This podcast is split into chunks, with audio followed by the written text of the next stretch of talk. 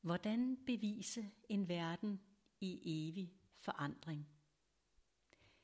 Det er tydeligt, at verden er i forandring. Skulle vi glemme det, kan vi blot se på de gamle selvportrætter eller udspørge den ældre generation om den tid, de voksede op i. For det meste sker det ubemærket og gradvist, men nogle gange går det så hurtigt, så det vi troede var sandt i går, har ændret sig i dag. Det kan være svært at håndtere, da foranderlighed ofte medfører en følelse af utryghed i retning af, hvad kan jeg så egentlig tro på? Derfor er det let at miste troen. Tro er noget, vi ofte forbinder med religion, men tro handler også om at tro på sig selv, om at tro på et andet menneske, og om at tro på andres erfaringer, som når vi tror på undersøgelsesresultater. Vidshed adskiller sig fra tro, ved at vi selv har gjort os erfaringer i livet om det, vi førhen troede på. Derefter tror vi ikke længere. Vi ved, fordi vi selv har erkendt det. Det vi tror på ændrer sig derfor gennem livet i takt med, at vi gør os nye erfaringer og erkendelser. Længe har vi levet i en tid præget af en tro på, at der er en enkel og veje løsning på vores fysiske lidelse, og at der findes en tilstand af veje velbefindende.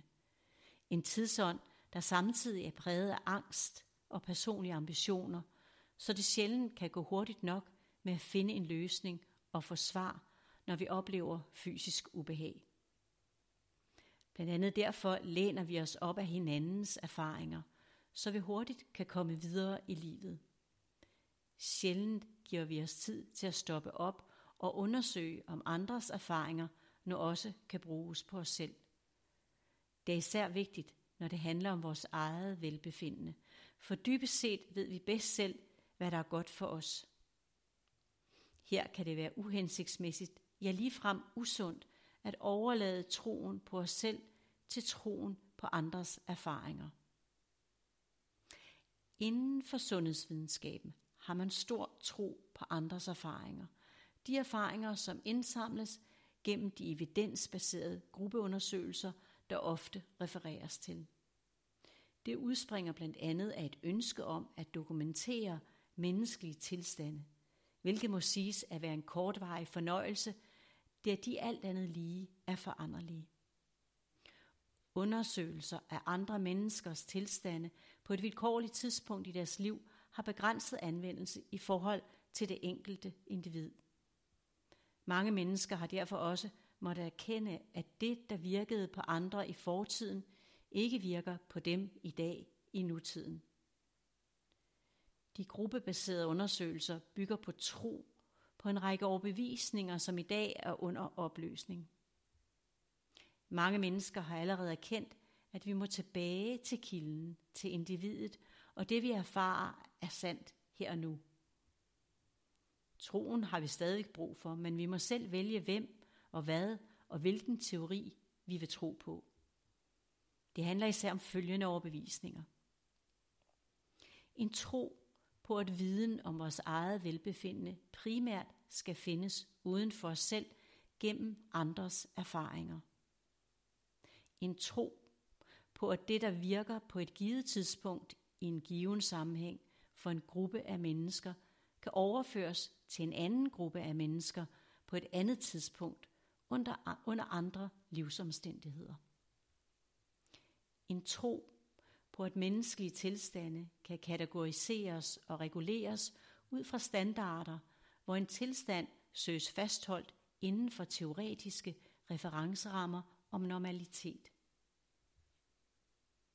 En tro på, at hændelser i livet er enkle og lineære og kan gentages, som det, at hændelse A altid fører til resultatet B, og en tro på, at der findes én enkel årsagsvirkningssammenhæng i en kompleks menneskekrop, der lever i et komplekst liv. En tro på, at vores liv og velbefindende er determineret af vores gener, og derved glemmer, at det er epigenetikken, miljøet, der aktiverer generne. En tro på, at statistisk udvælgelse er mere tilfældig end vores egne valg. De, der vælger at deltage i undersøgelser, har truffet et valg om at deltage, fordi de tror på sådanne undersøgelser. Det er ingen statistisk tilfældighed, men et eksempel på en universel lov om at lige tiltrækker lige. En tro på, at der kan laves kontrolforsøg. Et ægte kontrolforsøg vil indebære, at to forskellige situationer afprøves samtidig på samme menneske, så forsøgsomstændighederne er identiske. Herved er det svært at afgøre, hvilken situation, der har den afgørende indflydelse på et måleresultat, da begge situationer, foruden mange andre ukendte faktorer, påvirker processen. En tro på, at et resultat er mere sandt end et andet. At noget er bevist er ikke ens betydende med, at noget andet er modbevist. Det forudsætter, at det modsatte forsøg under identiske forsøgsomstændigheder kan laves med det samme menneske samtidig, hvilket er en umulighed. Behovet for dokumentation og bevisførelse opstod som en modreaktion på, at enkelte autoriteter alene vidste og bestemte. Evidensbaserede grupper, gruppeundersøgelser har overtaget pladsen som en ny autoritet i retning af den alene vide. Evidensbaseret viden har længe været det bedste bud på den uvidshed og magtesløshed, de fleste mennesker oplever, når de lider. Før i tiden søgte man præsten og den kloge kone i håb om at få vidshed og lindring der. Da det viste sig utilstrækkeligt, opstod lægevidenskaben, og mange har på samme vis overgivet deres tro på helbredelse til den. Lægevidenskaben har med sine undersøgelser bidraget til brugbar viden om kroppens mange funktioner, og på mange områder har det ført til bedre symptomlindring. Men lægevidenskaben kan alt andet lige ikke håndtere livet og kroppens foranderlighed, selvom den til tider forsøger at holde den fast med de kroniske diagnoser. Så vi må sande, at troen på evidensen og kroppens konstans lider under verden og virkelighedens, virkelighedernes foranderlighed. Tiltagende mange mennesker er derfor begyndt at supplere med andre veje, når de føler sig syge og ude af balance. Det er forståeligt, men selv der kan vi også gå forgæves, hvis vi overvejende søger svaret og hjælpen gennem andres erfaringer. At leve udelukkende ud fra andres erfaringer er at leve i en relativ virkelighed. Den virkelige virkelighed går gennem egne oplevelsesbaserede erfaringer. Vi kan kun selv gøre vores egne erfaringer i mødet med livet i os selv. Før eller siden vågner vi mere eller mindre pludseligt op, hvis vi forsøger at leve livet gennem andre eller ud fra andres erfaringer. Derfor kan undersøgelsesresultater, der refererer til normalværdier, også være misvisende, hvis de ikke stemmer overens med de kropslige erfaringer, som vi selv sanser. Standardløsninger og pakkeforløb har derfor også en begrænset anvendelse, når der ikke er et standardmenneske og en standardsituation. Det er forståeligt, at vi kan gå fejl af hinanden og opleve os fejlbehandlet, for i virkeligheden er et hvert menneskeligt møde med en behandler et unikt forsøg. En afprøvning af, hvordan behandlerens personlige og evidensbaserede erfaringer virker på mennesket lige foran i den givende situation, for der indgår altid et skøn ved enhver behandling, som er personligt knyttet til den behandler, man måtte møde. I den forstand er alle behandlinger og undersøgelser farvet af subjektive vurderinger, så det objektive eneste sande svar eksisterer ikke.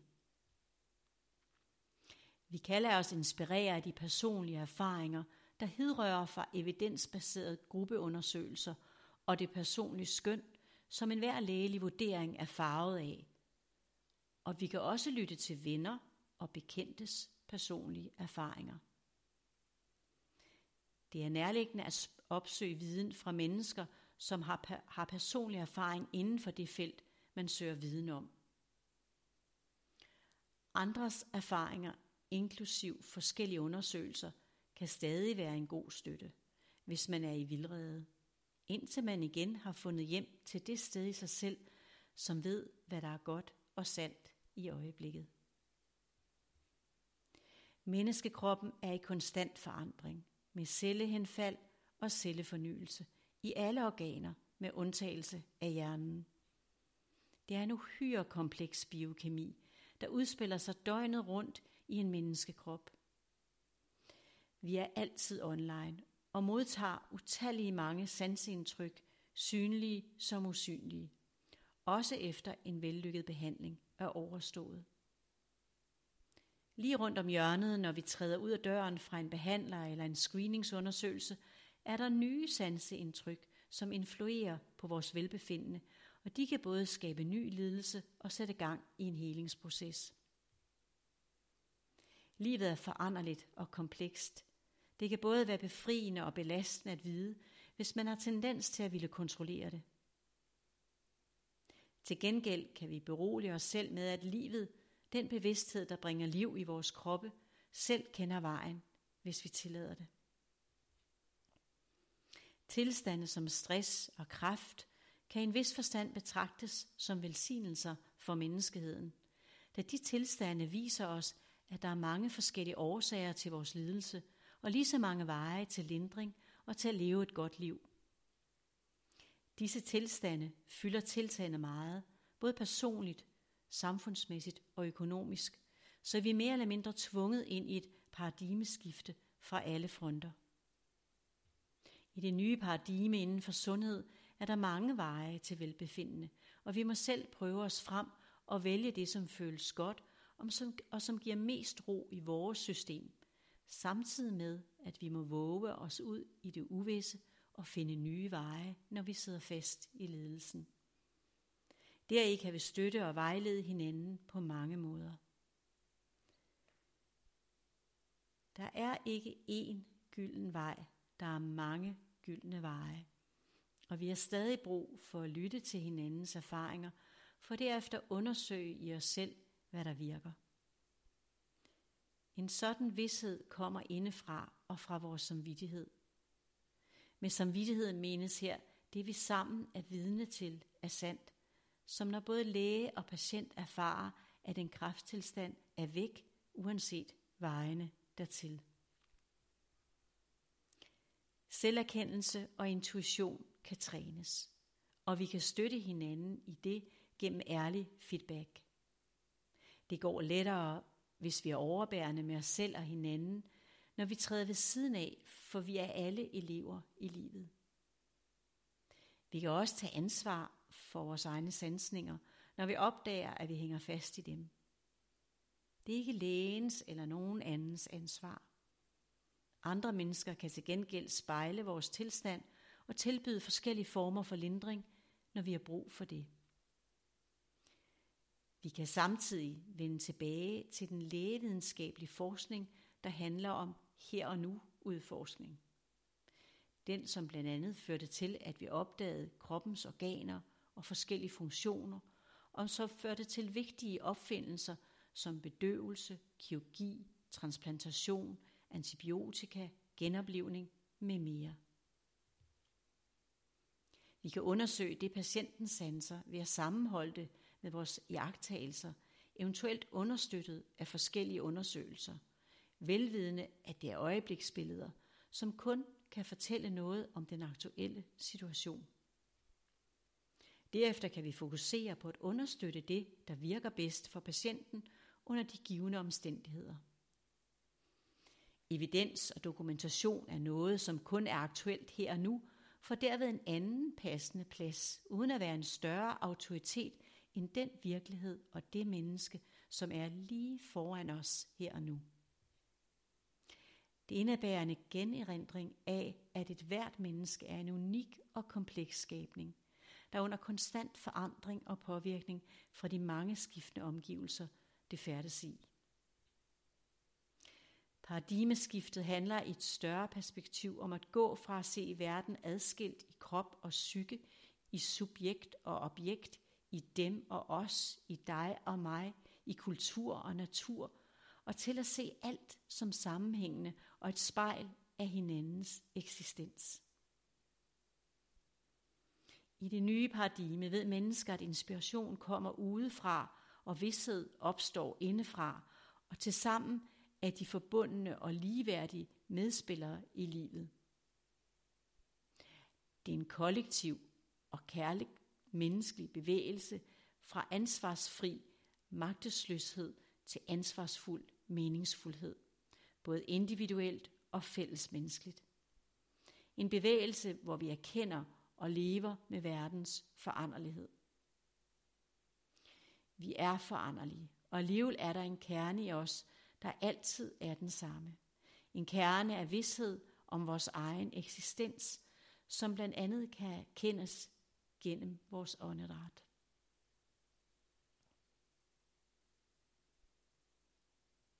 Resumé.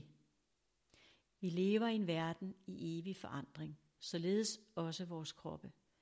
Evidens bygger på andre menneskers erfaringer i fortiden, som er forskellige fra vores egne i nutiden. Standardbehandlinger har yderst begrænset anvendelse, da vores krop er unik og foranderlig, og den fysiske behandling er kun en del af vores velbefindende. Den psykiske, sociale, mentale og åndelige del har ligeværdig betydning og bygger på unikke personlige erfaringer.